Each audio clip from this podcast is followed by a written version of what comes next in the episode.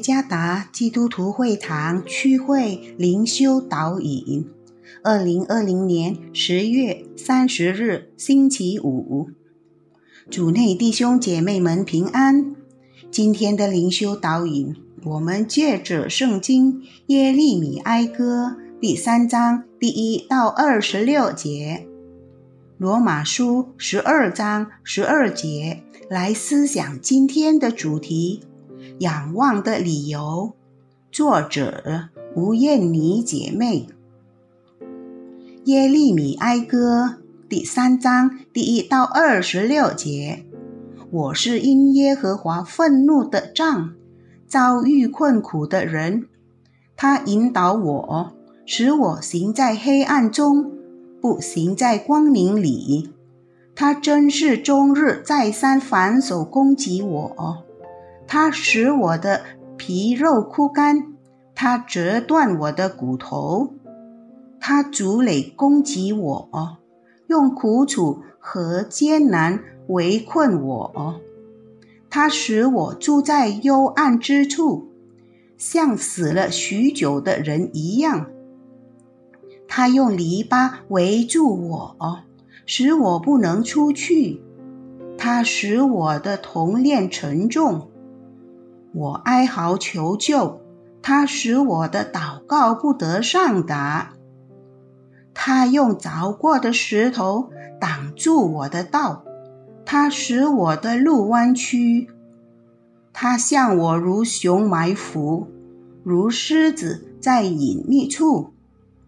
他使我转离正路，将我撕碎，使我凄凉。他张弓，将我当作箭靶子。他把箭袋中的箭射入我的肺腑，我成了众民的笑话。他们终日以我为歌曲。他用苦楚充满我，使我饱用阴沉。他又用砂石扯断我的牙，用灰尘将我蒙蔽。你使我远离平安，我忘记好处，我就说我的力量衰败，我在耶和华那里毫无指望。耶和华，求你纪念我如阴沉和苦胆的困苦窘迫，我心想念这些，就在里面忧闷。我想起这事。心里就有指望。我们不致消灭，是出于耶和华诸般的慈爱，是因他的怜悯不致断绝。每早晨，这都是新的。你的诚实极其广大。我心里说：耶和华是我的份，因此我要仰望他。凡等候耶和华。心里寻求他的，耶和华必施恩给他。人仰望耶和华，静默等候他的救恩，这原是好的。罗马书十二章十二节，在指望中要喜乐，在患难中要忍耐，祷告要恒切。范尼克罗斯比 （Fanny Crosby）。自小就因为发烧时医生错误的处理而失明，他一生必须生活在黑暗中。但是范尼并不自怜，也不怀疑上帝的良善。在他的一生中，他写了许多歌颂上帝的诗歌。在他写的歌其中的一句说：“在我的人生旅途中，有主耶稣陪伴。”如果他是我的向导，那还缺乏什么呢？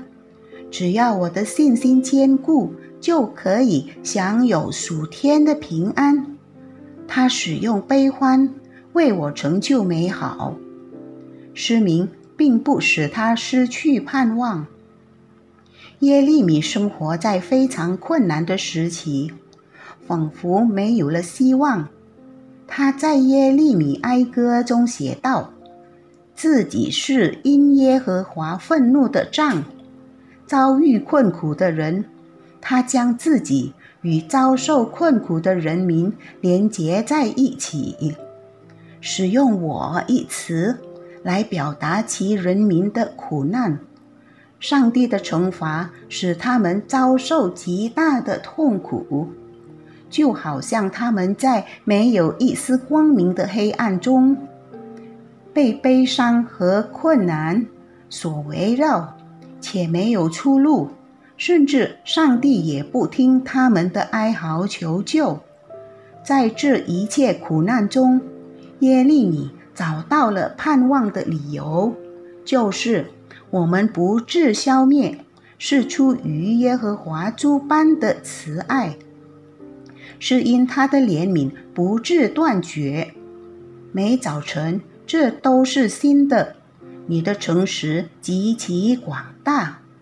二十二到二十三节，尽管他正在惩罚，但他的慈爱与怜悯永不止息。他的惩罚是为了教导，而不是消灭他的子民。盼望的理由，其次是耶和华是我的份。第二十四节，这句“我的份”是指具有极大价值的传承宝藏。耶利米凭这信心宣告：凡等候耶和华，心里寻求他的。耶和华必施恩给他，人仰望耶和华，静默等候他的救恩，这原是好的。静默等候意味着安静地等候，并交托于他的旨意。上帝的子民永远不会失去盼望，因为上帝的慈爱与怜悯永远伴随着我们。